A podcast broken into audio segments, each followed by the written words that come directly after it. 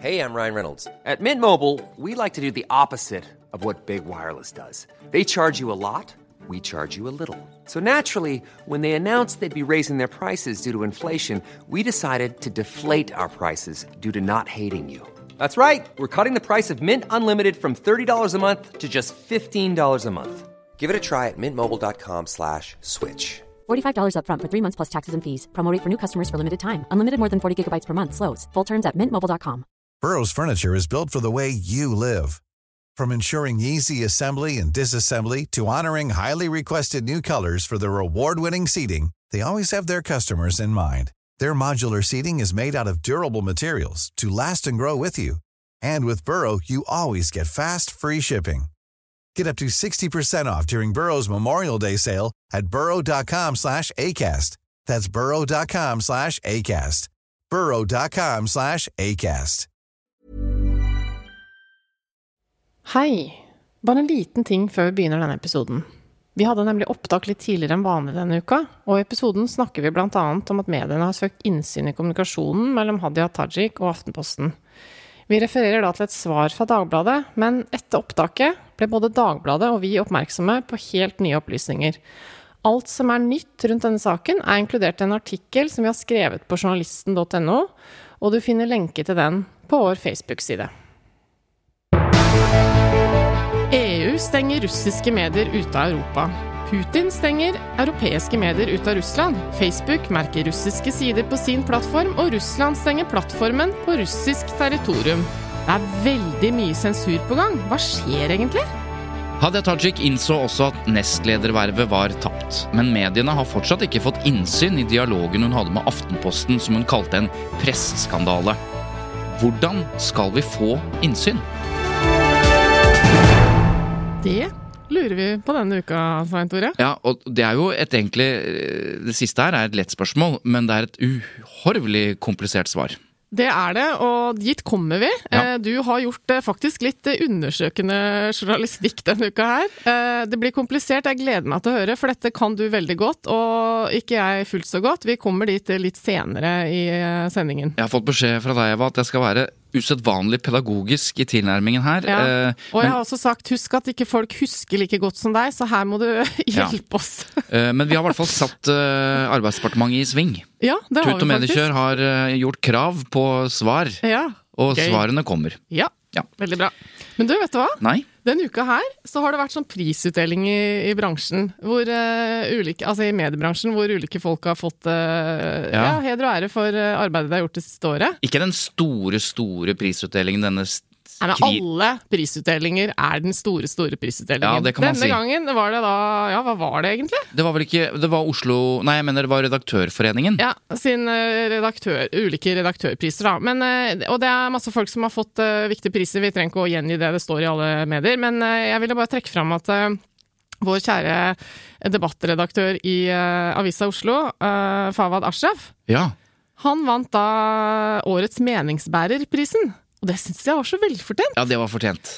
Eh, eliter og maktmennesker eh, får fortsatt i for høy grad pregende offentlige ordskifte, skrev de i eh, begrunnelsen. da. Mm. Debattjournalistikk på sitt beste bidrar til å skape forståelse osv. Mange snakker om å nå ut til nye lesere og finne nye stemmer i samfunnsdebatten, men årets meningsbærer har bevist løftet frem de såre, nære, tøffe og provoserende Oslo-historiene. Ja. Det er jeg enig i. Ja. Du sa bevist, men mente sikkert bevisst. Bevisst, ja. Skal jeg ta det på nytt? Nei, du trenger ikke å ta det på nytt. Her går alt på lufta. Ja. Ja. Men, eh, men vet du hva? Eh, det var, som du sier, enig, veldig fortjent. Um, Vi har jo snakket om det før, men det er bare så fint å se at det, det, det er liksom en, opp, en skikkelig sånn eh, oppheta debatt om identitet og uh, hva er det å være norsk, og at liksom, de er uenige også blant uh, de gruppene som ikke er de tradisjonelle norske uh, statsborgerne, liksom. Og det Ja. syns jeg har vært så forfriskende og fint.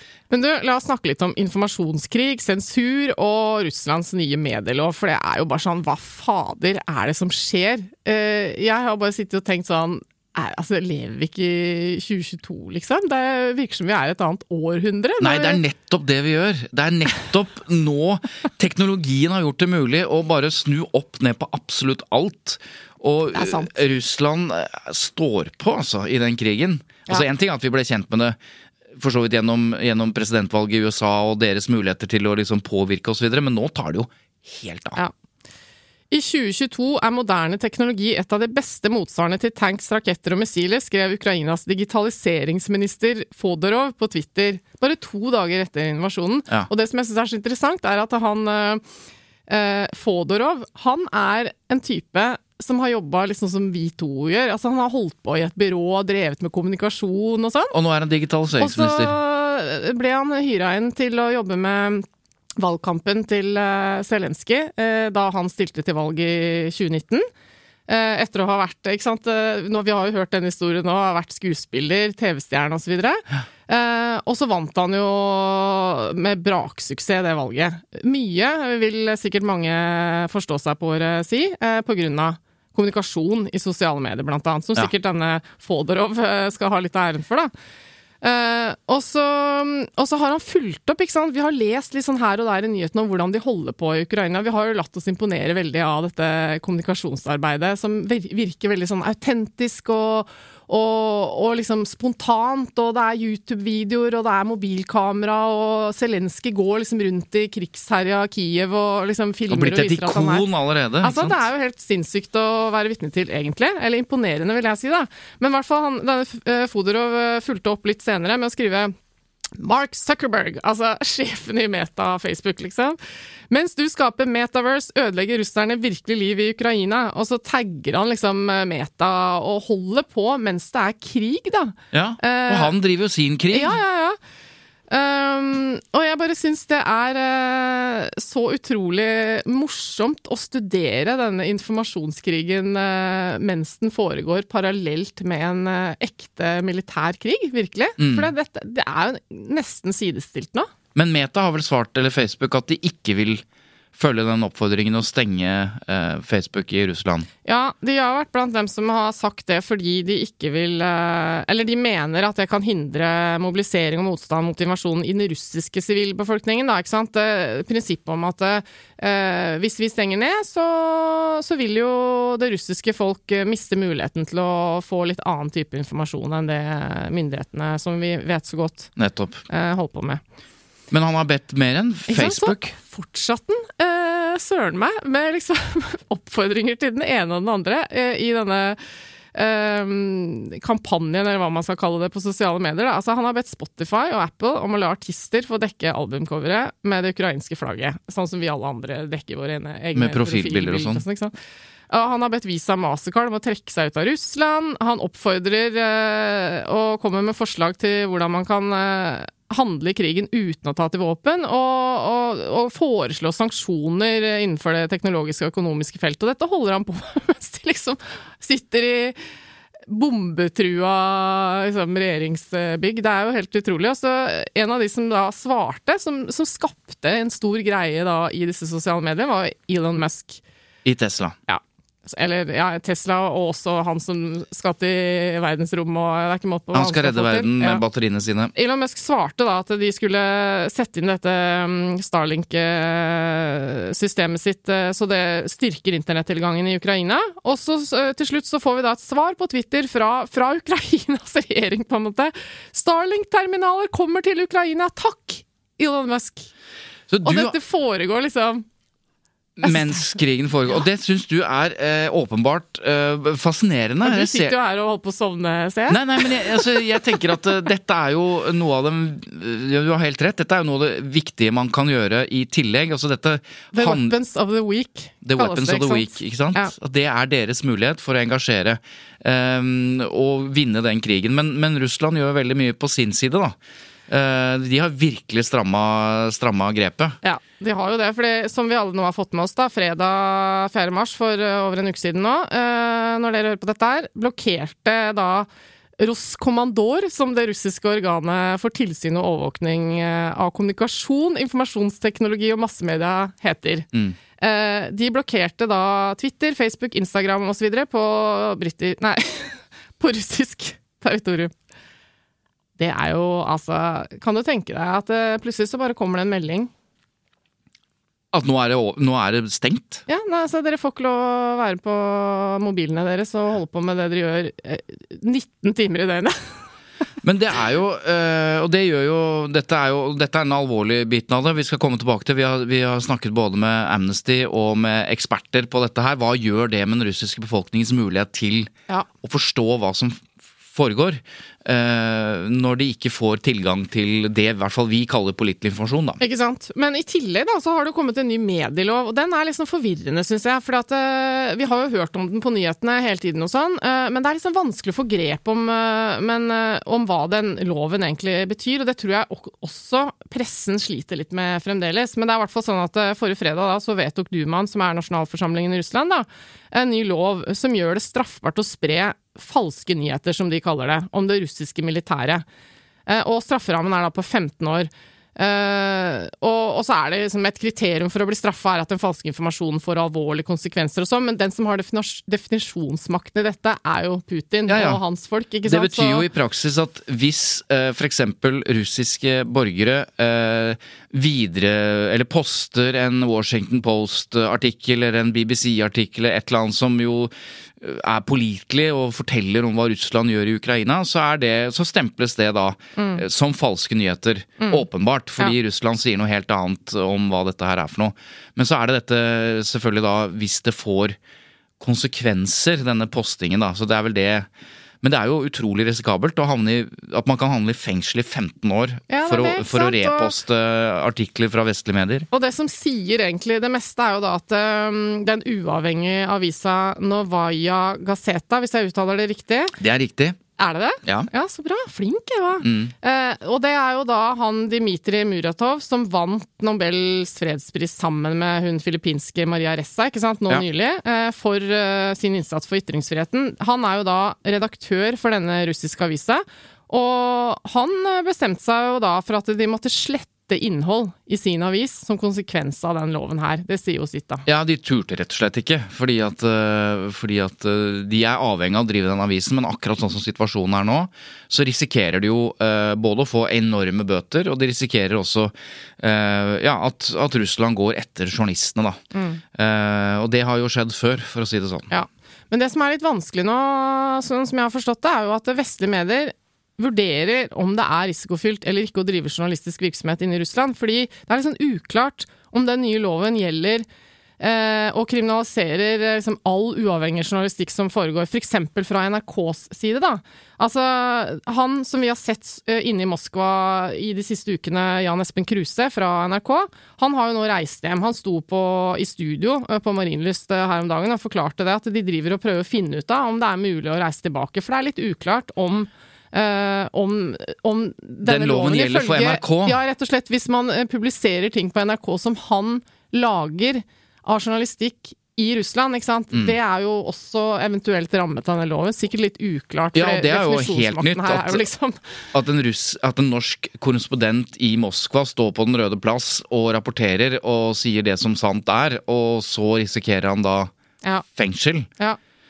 Så det er jo helt på BBC samme, ikke sant. Så det som er problemet nå, er jo veldig åpenbart. Da, at ikke sant? de skal jo bare lukke eh, alt som er av informasjon til befolkningen sin i landet, for å bare kunne fortelle dem hva de skal tenke, basically. Dette har jo Putin lært av sin eh, venn i Kina. Dette er jo helt kinesiske eh, tilstander. Altså prøver å bare bruke sin makt til å bare lukke samfunnet. eh, forby nettsider, stenge nettsamfunn osv. Det er altså, og så kommer vi tilbake til etter hvert eh, hva han da i tillegg kan gjøre med å påvirke dem ikke sant? Med, med annen type informasjonsarbeid. Men, men altså, så, for i tillegg så er det jo sånn at eh, det er veldig strenge begrensninger for hva mediene der kan, kan skrive, og hvordan de kan omtale krigen. Men det er også begrensninger på hva lærerne kan si. ikke sant? Det er jo, har du lest om det? Sånn som eh, en ungdomsskolelærer må skrive under på en kontrakt eh, på, som definerer hvordan denne læreren kan omtale krigshandlingene, da, eller det de kaller en militær redningsoperasjon, nærmest, Mm. eh, til sine elever. Og altså, hvis du svarer eh, feil på et spørsmål som da kan komme fra eleven, eh, som kanskje de lurer på fordi de har hørt noe fra foreldrene eller lest noe i sosiale medier før det ble stengt ned osv. Det er jo noen sosiale medier som fortsatt eh, er der, da. Ja, Um, så kan du bli bura inne, rett og slett. det er jo helt vilt.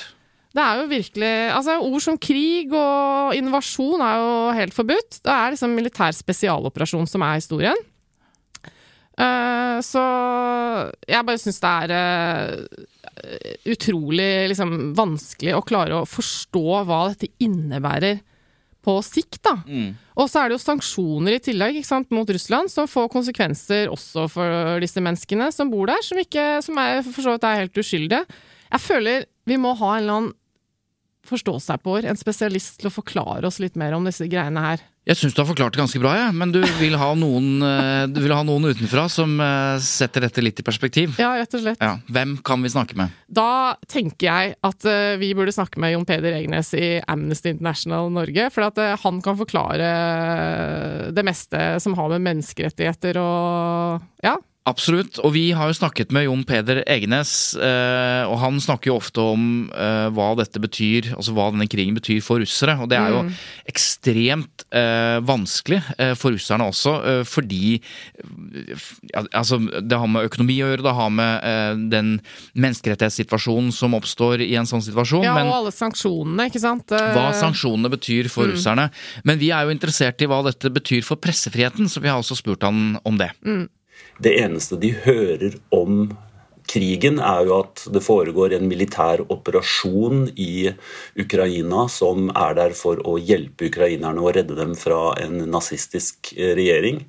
Eh, Og mange tror på denne historien. Um, eh, Og derfor så lever de jo også i en i en illusjon som, som på et eller annet tidspunkt kommer til å måtte sprekke, og, og virkeligheten vil, vil gå opp for dem. Um, noen vet jo allerede, og vi ser jo at det er folk på gatene. Mange tusen har blitt arrestert, flere hundre sitter fengsla fortsatt. Uh, så dette er jo en, uh, en, uh, en situasjon som påvirker vanlige folk i stor grad.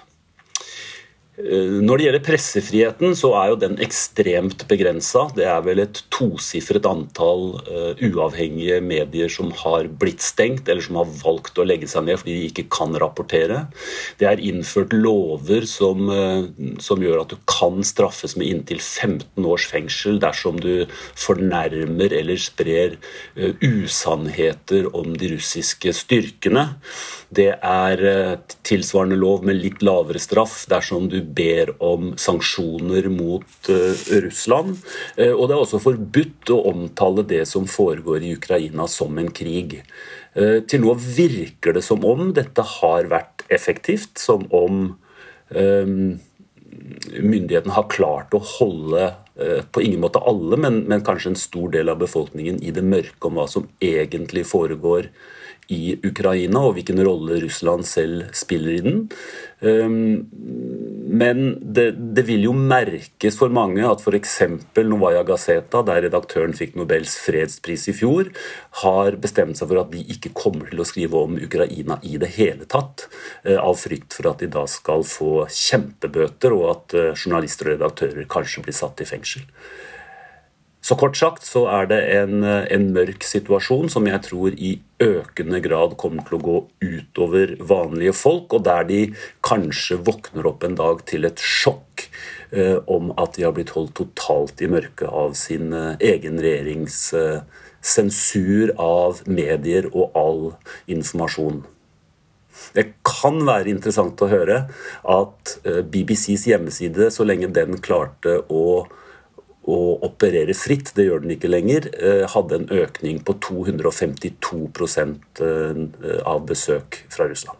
Som jo tyder på at de er interessert i å høre hva som foregår, eh, men de blir som Det er interessant det Jon Peder Egnes sier. Ja, og sånn, Kreml viser jo Putin alene bak et stort bord, en som gjemmer seg, på en måte. Men han, eh, han eh, forteller jo det narrativet er jo den mektige presidenten som har eh, liksom kontrollen på alt og sånn, da.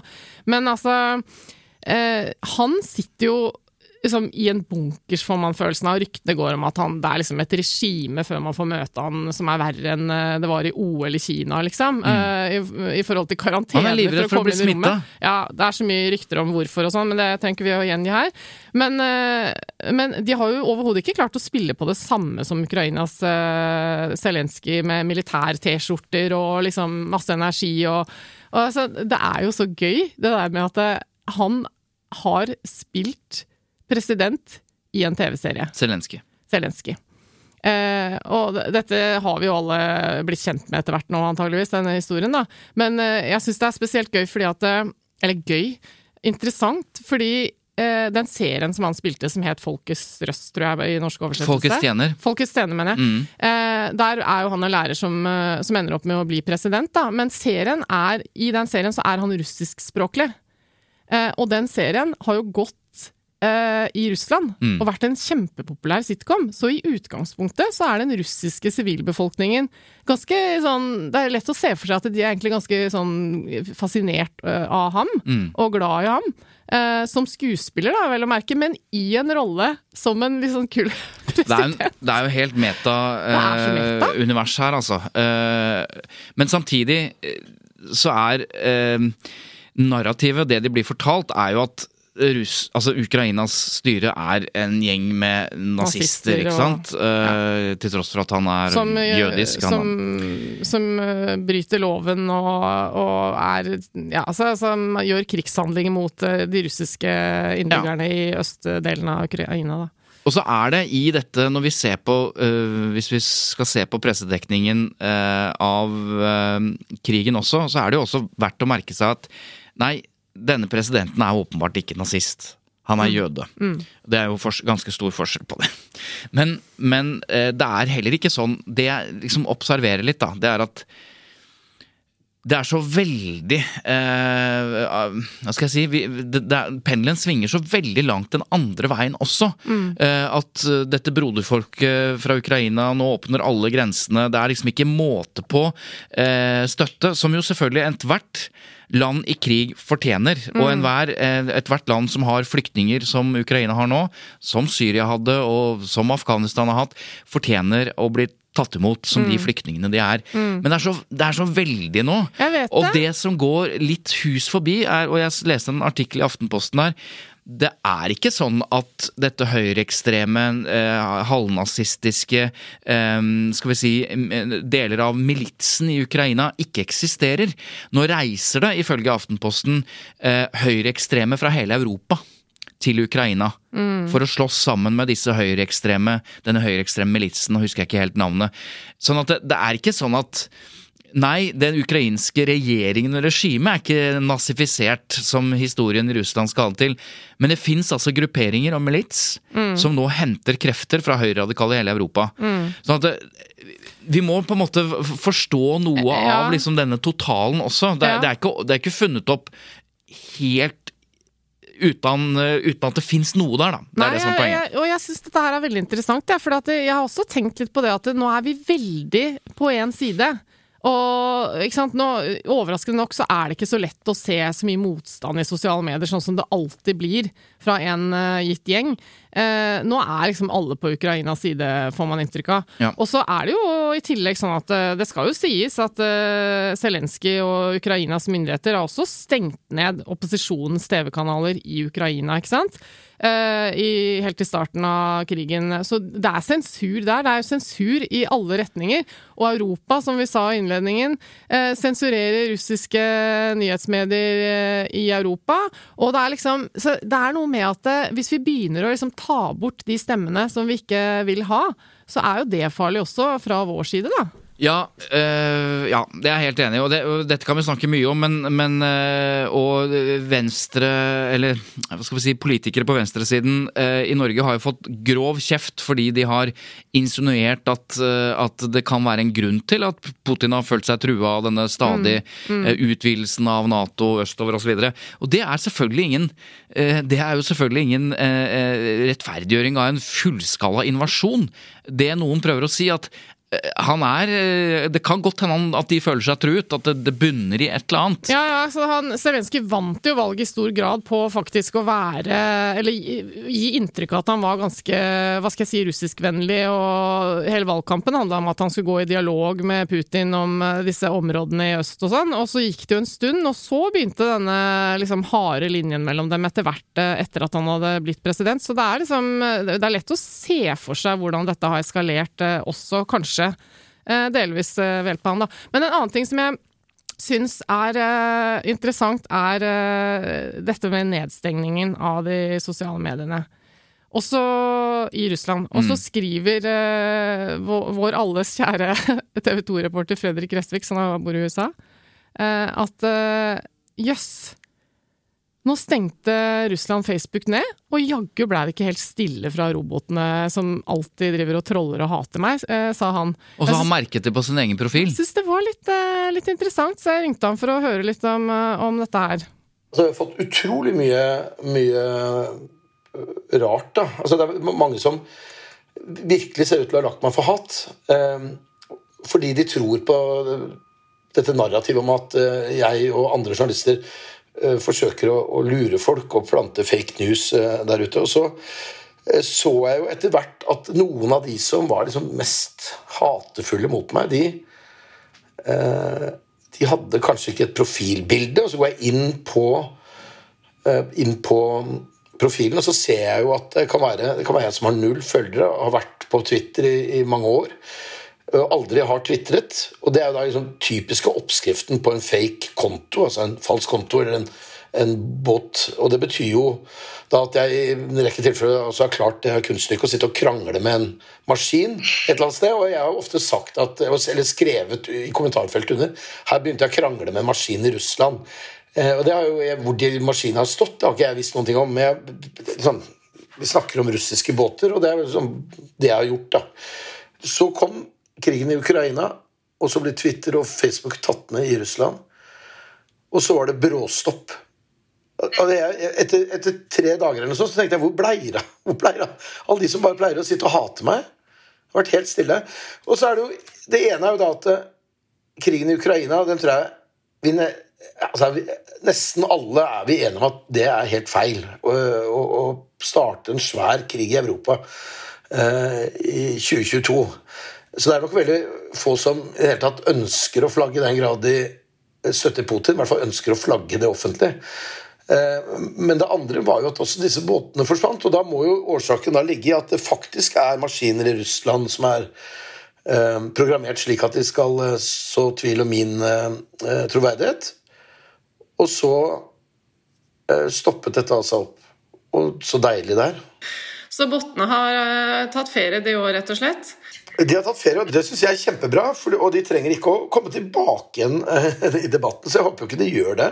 De gjør det sikkert. Men, men dette viser hvor utrolig vanskelig det er å operere i sosiale medier. Altså, en ting er at jeg er så dum at jeg sitter og krangler med disse båtene, men jeg ser at, at mange andre også som på mine vegne går inn og begynner å forsvare meg. ikke sant? Og så er det jo da så kommer jo alt fra kanskje bare Det, det er ett sted, altså ett menneske eller en person som har lagt mitt navn inn i en database et sted, og så fører det til at, eh, at jeg er et av de målene. Ikke sant. Og det som er spørsmålet, er liksom Hva er disse robotene og, og trollfabrikkene sin hensikt, egentlig? Eh, det syns jeg er litt sånn Hva er det de egentlig jobber for å oppnå? Ja, de, ikke sant? Fordi Noen ganger så eller fikk vi jo ganske klart inntrykk av at så, de skulle hindre Eller de skulle hjelpe Trump å bli president mm. Eh, av en eller annen grunn. Og hva er hensikten nå? Men en ting er at De skal hjelpe Trump å bli president, men det er jo også sånn generelt det at de skal skape splid i Vesten. da, Kan mm. man også se for seg. ikke sant? At dette er en langsiktig strategi for at Russland skal komme i posisjon. Lettere å påvirke når det er steile fronter osv. Men øh, jeg har også snakket med Bente Karlsnes, som er førsteamanuensis i kommunikasjon på Høgskolen Kristiania, og medieforsker. da. Mm. Skrevet veldig mye i det siste og vært på Man har sikkert sett henne på, på nyhetskanalen og NRK osv. Uh, hun kan veldig mye om disse tingene, så jeg spurte henne um, om den russiske kommunikasjonskrigen og, og hva nedstengningen av sosiale medier uh, og vestlige medier betyr da, uh, i dette bildet som som Fredrik Gressvik også beskriver, har, har robotene tatt ferie, rett og slett? Ja, altså Akkurat eh, hva Botta Fredrik Gressvik har vært ute for, det er jeg ikke helt sikker på. Men det vi kjenner til når det gjelder mer sånn generelt om eh, Twitter-bots eller automatiserte Twitter-kontoer. Eh, Hensikten der er ofte å skulle spre bestemt type informasjon, spre bestemte artikler f.eks., eller videoer, og få et fenomen til å se mer populært ut enn hva det egentlig er. Altså at eh, For å få, gi et inntrykk av at mange mener akkurat det her. Så det kan være en måte å spre rett og slett propaganda på.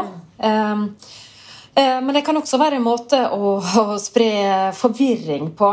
Altså Hvis du da bombarderer eh, en Twitter-strøm eksempel, med ulike typer informasjon, så kan det være vanskelig å skille hva kan vi stole på, hva kan vi ikke stole på. Men hvordan, eh, hvordan er det jeg kan oppdage, eller mis, hvordan bør jeg mistenke at noe som foregår i mitt kommentarfelt, faktisk er roboter? Er det noen kjennetegn? Altså det kan være, um, altså Hvis det er et kommentarfelt eller det er på Twitter at det, Hvis det er veldig høy grad av hyppighet, da, Mm. at det blir posta veldig ofte eh, Kanskje flere ganger eh, i løpet av et minutt. Eller, Mm. eh, så, så akkurat det med po post, eh, postingshyppighet, det er ett tegn. Og så kan det være at den kontoen er oppretta for veldig kort tid siden. Eh, kanskje det er et bilde som er falskt. At det, ja, det, det kan være mulig å oppdage bildet. Um, og så kan en også se det på f.eks. andre typer innhold som Hvis det er en Twitter-konto, da. Annen type innhold som, eh, som den eh, videresender.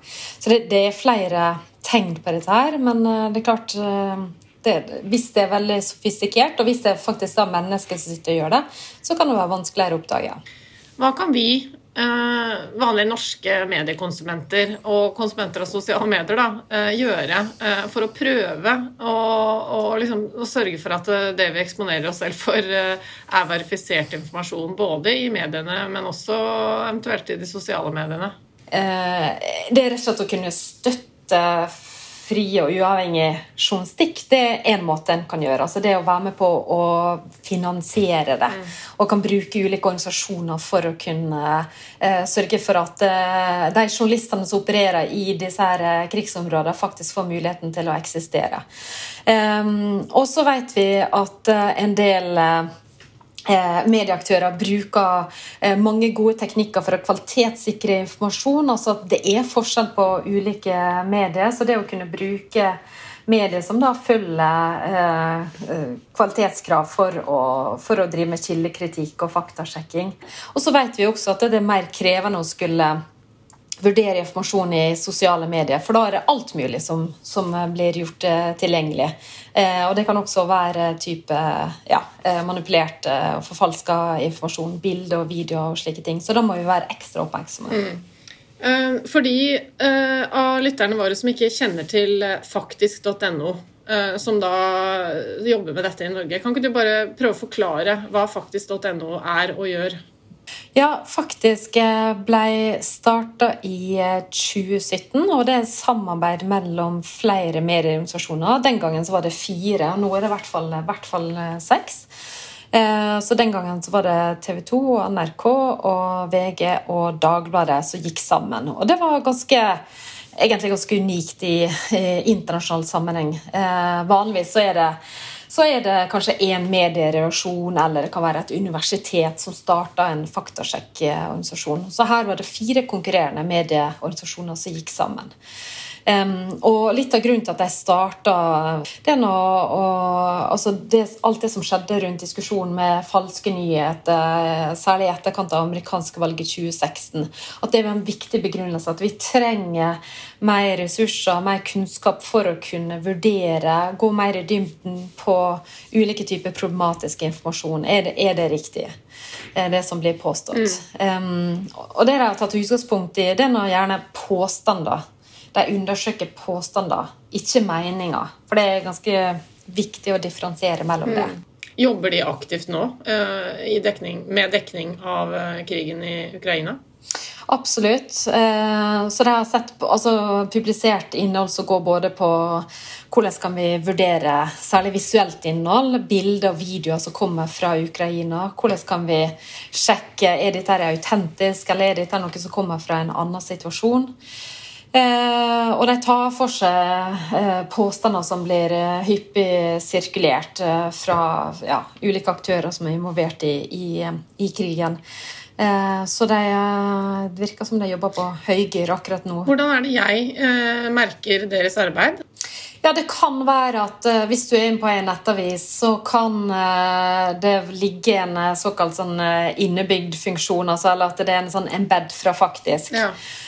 Så alle, alle nettsteder, til og med også dere sitt nettsted, har også muligheten til å legge inn en faktasjekk fra faktisk.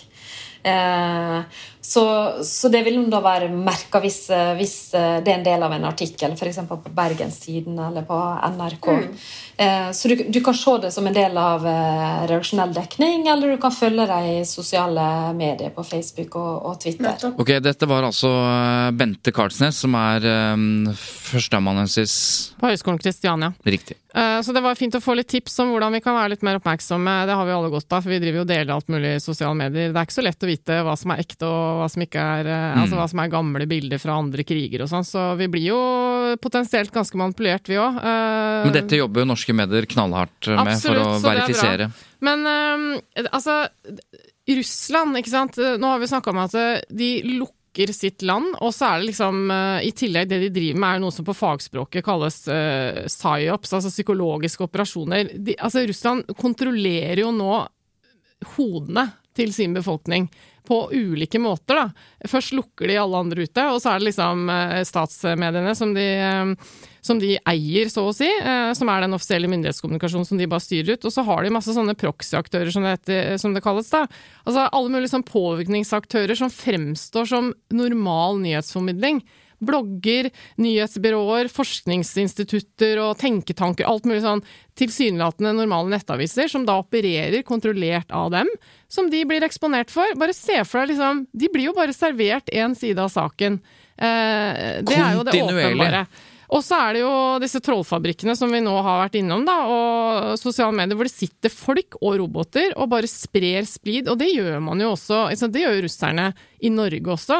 Hvis man tenker på by og land-konflikten som vi har hatt, og alle sånne ting som vaksinemotstand og sånn, ikke sant. Dette er jo også ting som russerne eh, bidrar til gjennom disse trollfabrikkene. fordi de, det er i deres interesse å skape splid, da, og nøre opp under liksom, eh, de ordene, ikke sant. Eh, nå er det liksom i Nord-Norge så hater de eh, eh liksom byeliten og Oslo og sånn. Dette kan også forsterkes av russerne.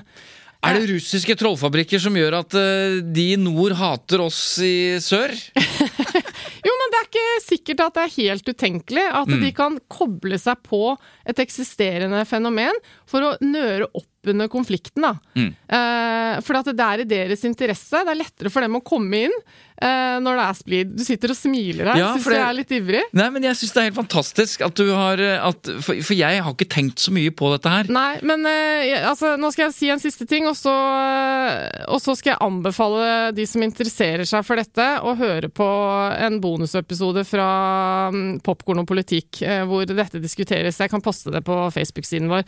Men det siste er jo at i tillegg driver og hacker Eh, ikke sant? Eh, sånn som vi har sett i amerikansk valgkamp. Eh, de hacker seg inn på e-postkontoer til Hillary Clinton osv. Eh, får informasjon om ting som egentlig vanligvis ikke skal frigjøres, og så publiserer de det for å fremme den ene siden av saken. Da. Så det er så utrolig mange nivåer denne påvirkningen eh, foregår i. Eh, det er jo altså så mørkt og trist og bekymringsfullt, egentlig. Men, at jeg blir helt gal uh, av å lære mer om dette. Men når alt kommer til alt, sånn som krigen står nå, både informasjonskrigen og krigen, så har det jo ikke gått helt som verken Putin eller russiske trollfabrikkene eller eh, de hadde tenkt. Nei. Verken militært eller informasjonskrigersk. Fordi hele Europa støtter jo Ukraina. Hele Europa eh, har nå sendt sine bidrag. Altså, og han går på uh, også militære nederlag. Ja. Så han klarer altså å holde sin befolkning i mørket. Enn ja. så lenge kan det se ut som.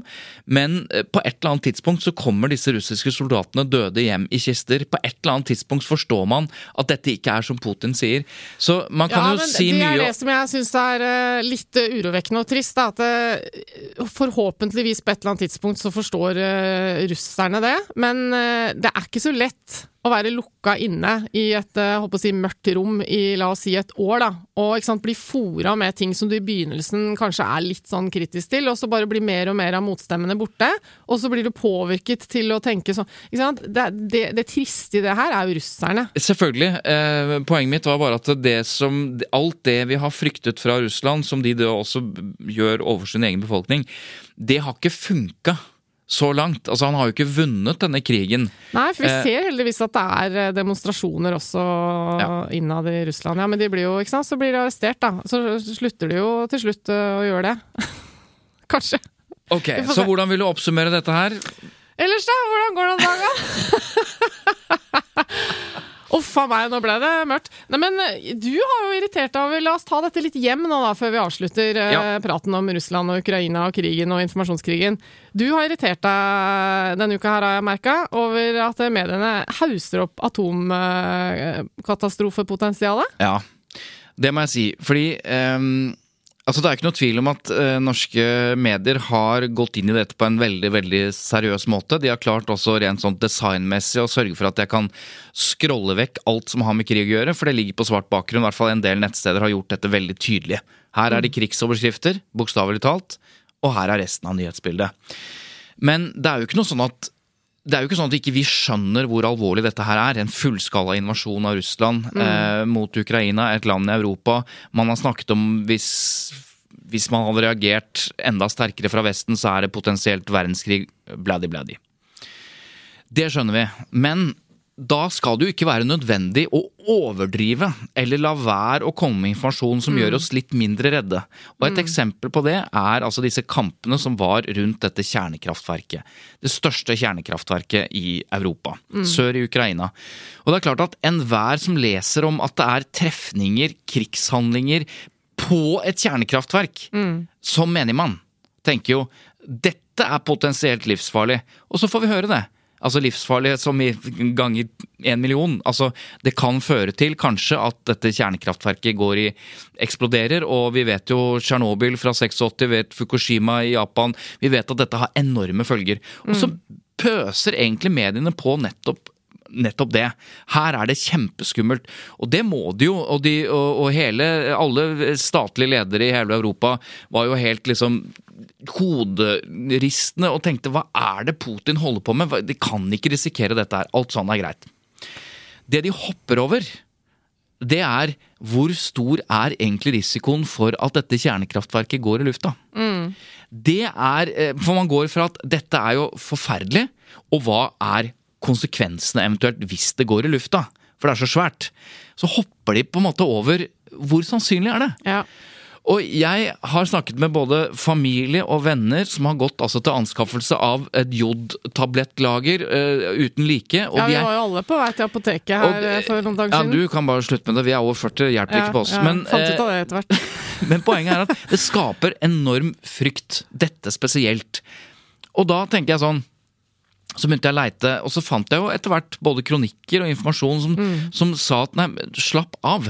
Så, ikke sant? Tingen her er jo at det, det er informasjon om det som er riktig og sånn, men det er, du må leite litt, fordi at de store overskriftene som skaper litt sånn unødvendig frykt, de ligger foran. Nettopp. Det er jo egentlig hovedpoenget her. Og- Og, må det det? Trenger de å holde på sånn? Det er dette, nok. Nei, de må ikke det! Og det er jo ikke det som Og da er det sånn typisk presse eh, Når jeg konfronterer journalister med dette, så sier de ja, men det vi sier er jo riktig. Ja, det er jeg veldig enig i at det er problemet her. Ja, det vi sier er riktig. Ja. Det er ikke problemet hva dere sier. Nei. Det er det dere ikke sier. Eller eventuelt hva dere trekker frem for de som bare scroller. Riktig. Hva er det dere ikke sier? Og så leste jeg da, eh, kom over en professor ved Universitetet i Bergen som har gjort denne researchen på egen hånd. Han har jo kompetanse på dette, og det er flere som har skrevet kronikker etter hvert. Men folk leser jo ikke primært kronikker, man leser primært overskrifter og ingresser og saker.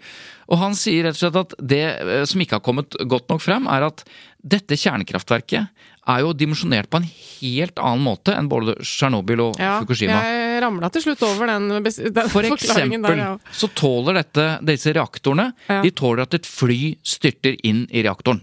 Og disse, disse brenselet, som er jo hele problemet, det ligger innerst, innerst inne der. Så de tåler både missiler og flykrasj osv. Og, så og da tåler de jo lette trefninger med lett artilleri eh, fordi at noen kriger utenfor der og treffer et eller annet bygning i nærheten. Dette ble fremstilt som her står det et et katastrofepotensial så enormt svært at hele Europa må gå i dekning, mm. for å overdrive litt. Mm. Men ingen sa at uh, det kan styrte et fly i en reaktor når ingenting skjer. Og så, så, jeg, ja, så jeg ble så forbanna ja, på dette. Det er, altså, det er vi har fått noen lyttere som også har sendt litt sånn småting rundt dette her. Blant annet én, um, Kristoffer, som, som, sendte en melding og poengterte at uh, det var en Urix-sending på NRK hvor de gjenga noen klipp fra russiske nyheter. Uh, hvor Skal vi se hva han skrev. Um, Eh, jeg jobber, jeg jobber, selv med film og kjenner en filtereffekt når jeg ser den. Det ser ut som de har lagt på et filter på de klippene fra russiske nyheter, sånn at det spraker og ser gammeldags og kommunistisk ut og liksom Er det greit? Og dette har ikke jeg fått sjekket, men eh, det er jo i så fall litt sånn rart, det jo at de driver og lager sånn eh, Også dem og liksom unødvendig Skjønner du hva jeg mener? Mm. Det er én ting. Og så var det en annen, eh, en annen lytter, Torgeir, som, som, hadde et veldig godt poeng, syns jeg. For det innlegget til Putin eh, i en land, et møte som ble broadcasta all, all, over the place, om at sanksjonene fra Vesten var å anse som en krigshandling, som han sa. Men det ble helt feilsitert av norske medier, både, altså i hvert fall TV-mediene i starten. da, Uh, på live TV, liksom uh, For han sa jo ikke det som de gjenga. Det sto bl.a. på TV-skjermene med sitatstrek 'Vestlige sanksjoner er det samme som en krigserklæring', var liksom et uh, sitat fra Putin, da. men det som han sa etterpå, var jo at 'men gudskjelov er vi ikke kommet til det'. Men det ble liksom ikke så tydelig fremmet at han egentlig balanserte det utsagnet sitt. Det ble bare liksom Nå har vi fått bekrefta at Putin anser dette. Det er sånn unødvendig opphaussing. For uh, den oversettelsen av det, det han faktisk sa, var disse sanksjonene som blir pålagt, er beslektet med en krigserklæring, men gudskjelov har det ikke kommet til det sa Putin. Eh, Mens vi hører bare 'dette er som en krigserklæring'. Ja, og jeg la merke til faktisk at eh, i en eh, artikkel bl.a. i E24 så, som jeg leste om dette, så sto det jo nederst en rettelse, som de, vi har snakka om det før, når avisene mm. retter ting. Eh, nederst i artikkelen så står det da rettelse. I en tidligere versjon av denne artikkelen sto det at Putin i den TV-sendte talen sa at vestlige sanksjoner er det samme som en krigserklæring. Artikkelen er endret klokken eh, sånn og sånn.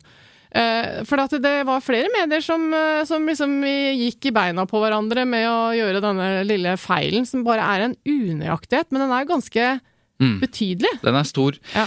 Poenget er i hvert fall at uh, det er krig. Vi skjønner at det er alvor. Vi trenger ikke altså, overdrive frykten eller overskriftene fordi vi er redde nok som det er. Ja. Og mediene har faktisk et ansvar for at vi skal ta livet litt mer med ro også i denne situasjonen. Og det, mm, det er en oppfordring vi har til mediene. Ja, men Svein Tore, ja. nå har vi prata nok om uh, informasjonskrigen uh, osv. Uh, du har jo uh, snakka med Arbeidsdepartementet, du. Angående dette innsynet i Hadia Tajiks uh, dialog med Aftenposten. Fortell. Ja. Nei, altså Saken er at jeg har snakket med en del eh, redaktører eh, i det siste om nettopp eh, både Er dere nå liksom ferdig med denne saken fordi hun har gått av ikke bare som arbeidsminister, men også som nestleder? Eller vil dere fortsette å jobbe med det? Og, det, og svaret er at det er fortsatt mange svar de ikke har fått. Um, og flere medier har også bedt om, om innsyn i i eh, korrespondansen mellom Hadia Tajik og Aftenposten. Dette, dette som har blitt beskrevet som 70 eh, sider med e-postutveksling. Og, og, og, her er, saken, ikke sant. Det er seks medier, eller fem medier og en privatperson som har bedt om innsyn i dette. Mm, og det har man rett til å be om uh, som hvem som helst? Man kan be, be, om innsyn i hva som helst, og så er spørsmålet er det, uh, får du innsyn eller får du ikke. Og da må de forholde seg til offentlighetsloven, ikke sant. Ja, Og hvem behandler uh, søknaden? Det er departementet selv? Departementet får da innsynsbegjæringer fra mm. disse seks mediene, som da er VG og Dagblad, NRK eh, journalisten.no og Medie24. Pluss én person, mm. som er en privatperson.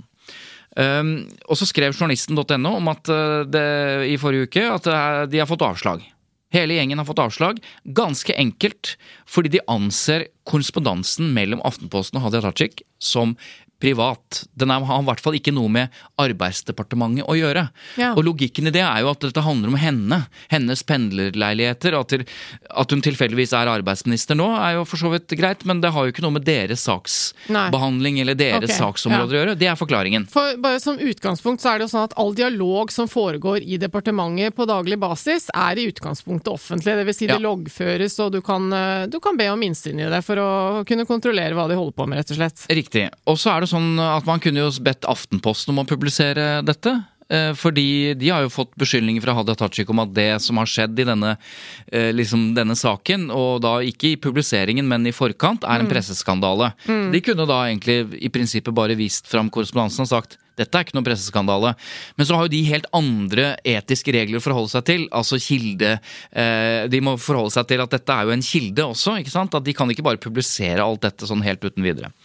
Så her håpet mediene på at de skulle få innsyn fra departementet. De har fått avslag. Og her kommer noe av det viktigste. Grunnen til at jeg hengte meg på nå og stilte spørsmål til, eh, til departementet, det var fordi her kan man virkelig gå i en felle når man klager. For, så jeg spurte rett og slett hvor mange har nå bedt om innsyn. Ehm, kan dere sende meg begrunnelsen? Eh, den har vi fått. Hvor mange, om noen, har klaget? har jeg spurt. Eh, og hva skjer når man klager? Og det som skjer, er rett og slett eh, følgende.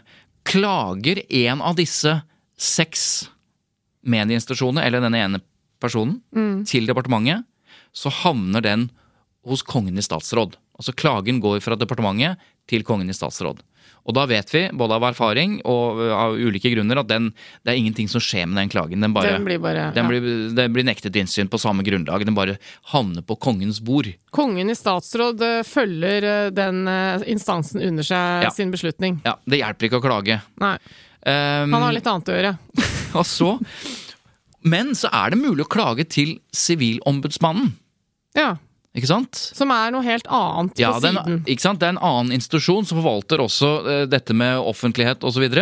Men han kan jo i teorien uh, Ja, dette er jo en et, etat, da. Heter Sivilombudsmannen, akkurat som Fylkesmannen. Som nå ikke heter Fylkesmannen, men det Mm. kan ja, vi komme tilbake til. Men i hvert fall Forutsetningen for at du kan klage til Sivilombudsmannen, det er at du ikke har klaget til departementet. Ok, nå er vi inne i byråkratiets uh, herlige Ja. eh, virvar. Ja. Så det som skjer, er at hvis en av de fem begår den store feilen å klage til departementet, så hjelper det ikke hva alle de andre mediene gjør. Da vil ikke Sivilombudsmannen, da kan ikke Sivilombudsmannen behandle klagene. Fordi Så den en- ligger et annet sted, rett og slett? Fordi den er behandlet som klage i departementet. Og det gjør, rett og slett Eller av kongen i statsråd. ja, Det gjør rett og slett at sett at Dagbladet ikke helt visste dette, da. ja, Så klagde de til, eh, til departementet. ja. Eh, Så ødelegger de for alle andres muligheter til å klage til Sivilombudsmannen. Ja. Den parkeres der. Men nå har jo du liksom, du har lest opp og forstått dette greiene her, men liksom, vet eh, Dagbladet og vet alle redaksjonene dette? Kan de dette? For nettopp det som er poenget, og her begynner det å bli ganske spennende, fordi at mediene har gått på en sånn smell før. Ja. For ikke så lenge siden så var det en statssekretær hos Erna Solberg på statsministerens kontor som visstnok hadde hatt kontakt med denne Molde-ordføreren før Molde-ordføreren angrep hele Oslo. Husker du det? Under pandemien så var det en Molde-ordfører som kjefta på, på Oslo. Så det var han, det var ikke russiske roboter? Nei, dette var ordføreren i Molde som gjennom VG gikk til angrep på Oslo. Ja, jeg husker det. Det Og så kom det fram at en statssekretær i Høyre hadde hatt kontakt med denne Høyre-ordføreren i Molde og spilt en eller annen slags rolle der. Det likte Erna Solberg veldig dårlig, og hun endte med å refse denne statssekretæren i full I offentlighet. offentlighet, ja. Ok, Så ba mediene om innsyn i denne. De ville jo vite hva slags eh? SMS-er som hadde gått Ja. mellom statsministerens kontor og Molde-ordføreren. Så ba de om innsyn. De klaget, eller noen klaget, og saken ble parkert. Nettopp. Og da prøvde noen å klage til Sivilombudsmannen, og da fikk de beskjed om at det er for seint. Nå har du dritt deg ut. Så denne fella har vi gått i før. Ja. Her er nyheten. Den samme fella har noen gått i nå. For Og når jeg fikk noen? svar fra departementet nå i dag tidlig, så står det at én har klaget til Ok, departementet. Så nå er det parkert. Nå er det Nettopp. umulig å klage til Sivilombudsmannen for Så- å prøve å få has uh, på dette. Så, det, så, så skriver departementet til Tut og Mediekjør at um, departementet har avslutt uh, innsynskravene. Og så sier de at uh, departementet har nå på nåværende tidspunkt mottatt én klage på avslagene. Og på spørsmålet mitt ja, men hva skjer da? Så sier det ganske tørt byråkratisk. Når det gjelder dette spørsmålet, er det slik at Kongen i statsråd er klageinstans i saker der departementet har fattet vedtak om avslag på innsyn etter offentlighetslova. Det er videre slik at retten til å klage til Sivilombudet ikke gjelder for avgjørelser gjort av Kongen i statsråd. Altså, de bekrefter at når én har klaget, ferdig snakka. Så da har jo jeg snakket med VG og Dagbladet og NRK og Journalisten og Medie24. Hvordan reagerer de på nå at saken plutselig er parkert? Og de er jo ikke fornøyd med det. De syns jo dette er helt forferdelig. Ja. Så spørsmålet er hvem er det som har klaget? ja, det er jo fristende å være litt sånn eh, konspiratorisk og tenke at eh, hvis du virkelig vil unngå at eh, denne dialogen kommer ut, så, og er eh, departementet eller Hadia Tajik eller noen rundt henne sånn, at du allierer deg med en eller annen idiot som bare kan klage for Ja. å få dette stoppa. Nettopp. Ja, det er faktisk helt sant. At hvis noen ve har veldig interesse av at dette ikke skal komme ut, så må du bare få noen til å be om innsyn, og Mm. så forte seg å klage. Fordi jeg fikk jo svar fra eh, f.eks. Dagbladet. Eh, for de visste ikke dette, at noen hadde klaget. For de Nei. vet jo at det må de ikke gjøre. Ja, det vet jeg. Ja, Mm. Så de sitter jo da nå og De sitter jo nå og, og forbereder en klage til Sivilombudsmannen. ja nettopp. Så da svarer Dagbladet eh, på mine spørsmål om er det de som har klaget, eh, hva gjør de nå, og hva tenker de om dette systemet. Hvem i Dagbladet? Da er det Steinar Solås Suvatne, som er eh, leder av politisk avdeling i, eh, i Dagbladet, eh, og bekrefter at de nå sitter og ferdigstiller klagen til Sivilombudsmannen. Og så eh, skriver han her spilles ikke presten gode av de noble tjenestemenn og kvinner i departementet. Hvis vi ikke får klagen behandlet av Sivilombudsmannen av dette, så gjør vi følgende. Hytter med neven, slår oppgitt ut med armene og tar en seriøs fot i bakken. Foreløpig er vi ikke i noen plan. Foreløpig har vi ikke noen plan for en sånn situasjon. Så de vet ikke hva de skal gjøre hvis dette skjer som nå har skjedd. Og så- Altså, og så spør jeg, hva tenker dere om det? Ja, Uten å kjenne detaljene rundt ordningen og eventuelle argumenter for at systemet er som det er, så kjenner jeg at jeg synes dette er helt hål i hodet. Jeg blir fyrt, ingen tvil om det. Det kan jo ikke være slik lovverket er ment å fungere, at pressen spilles sjakk-matt av formaliteter. Eller er det akkurat sånn det er ment å fungere? Jeg blir også konspiratorisk, ingen tvil om det. Altså, Der kan jeg bare bekrefte at eh, akkurat den følelsen han beskriver nå, den kan jo hvem som helst få i et annet møte med byråkratiet, og hvilke instanser som gjelder for ditt og datt. Og, ikke sant? Hvis man har en sak i en kommune, som jeg har snakka om før, man prøver å finne ut av ja, men dette kan jeg ikke akseptere når naboen vil sånn, eller ikke sant, Ja, et eller annet. da har du kommet inn i en mølle, og nå er det for seint å Nei, klage. men nå er det noen som har klaget eh, dit, så nå venter saken. Nå må vi vente til tidsfristen er ute, og nå er det klaget der. Da er rådmannen spilt ut, og fylkesmannen sånn, og ikke sant. Og dette her er ikke rart folk trenger hjelp. Men vi må jo finne ut av hvem er det som har klaget. Ja. Og jeg har sendt en e-post til denne privatpersonen, som vi nå foreløpig ikke trenger å si navnet på, men det er en jurist eh, knyttet til NTNU, som jobber litt med denne type problematikk. Ja, ja. Som har klaget. Og så er det jo lett å tenke da, at eh, mediene vet jo, burde jo nå vite, både NRK og Medie24 og Journalisten og Dagbladet og VG, bør vite at de ikke skal klage til departementet. Ja. De har likevel fått en klage. Ja. Det er naturlig kanskje å tenke at det er privatperson som har klaget. Ja, og det er ikke noen vi skal henge ut Nei, nei. for ikke å ha skjønt dette, for at det er jo ikke så veldig Nei, nei, men, logisk. men dermed da ødelagt mulighetene for mediene til å klage til På grunn av hvordan systemet er eh, formelt sett. Så når vi nå er i opptak, litt tidligere denne uka enn vi vanligvis er, Mm. eh, nå kommer dette ut eh, på fredag, men vi skal skrive en artikkel som, hvor vi redegjør for alt dette, og vi skal prøve å nøste opp i hva som har skjedd, som har gjort at vi nå ikke lenger har muligheten til å få innsyn i korrespondansen mellom Tajik og Så bra, Aftenposten. Svein Tore. Det blir spennende. Det skal vi selvfølgelig da sørge for å poste på Facebook-siden vår, sånn Ja. at alle kan lese den. Vi har alliert oss med noen journalister i, i journalisten.no også, så vi gjør dette sammen. Så bra. Ja, Du, øh... Lytterspørsmål, Rekker vi det? Jeg tror eh, vi har en del, men vi har vært innom en del lyttespørsmål underveis. Jeg tror faktisk vi må ta kvelden, holdt jeg på å si. For dette ble som vanlig ganske langt. Ja. Da må vi si uh, tut og kjør, og takk for oss.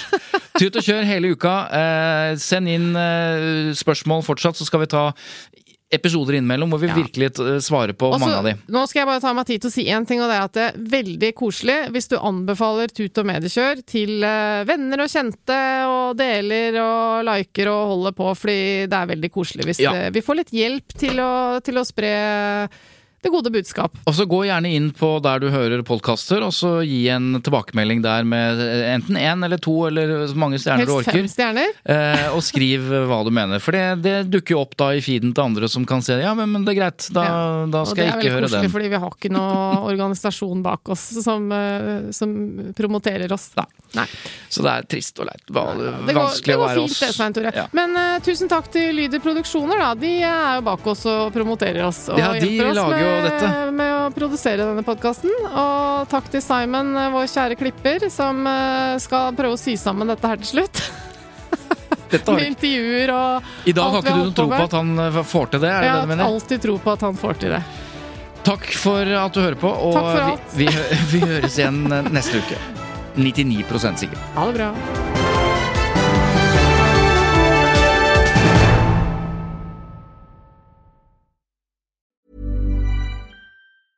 Hey, it's Danny Pellegrino from Everything Iconic.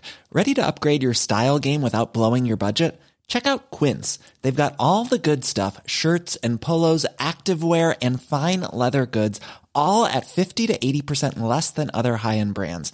And the best part? They're all about safe, ethical, and responsible manufacturing. Get that luxury vibe without the luxury price tag. Hit up quince.com slash upgrade for free shipping and 365 day returns on your next order. That's quince.com slash upgrade. When you make decisions for your company, you look for the no brainers. And if you have a lot of mailing to do, stamps.com is the ultimate no brainer. It streamlines your processes to make your business more efficient, which makes you less busy. Mail checks, invoices, legal documents, and everything you need to keep your business running with stamps.com.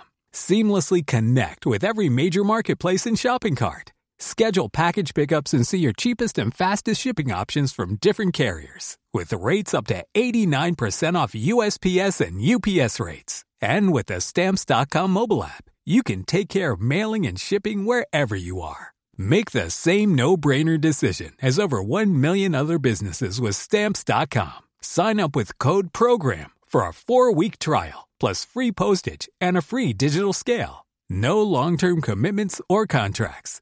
That's Stamps.com. Code PROGRAM.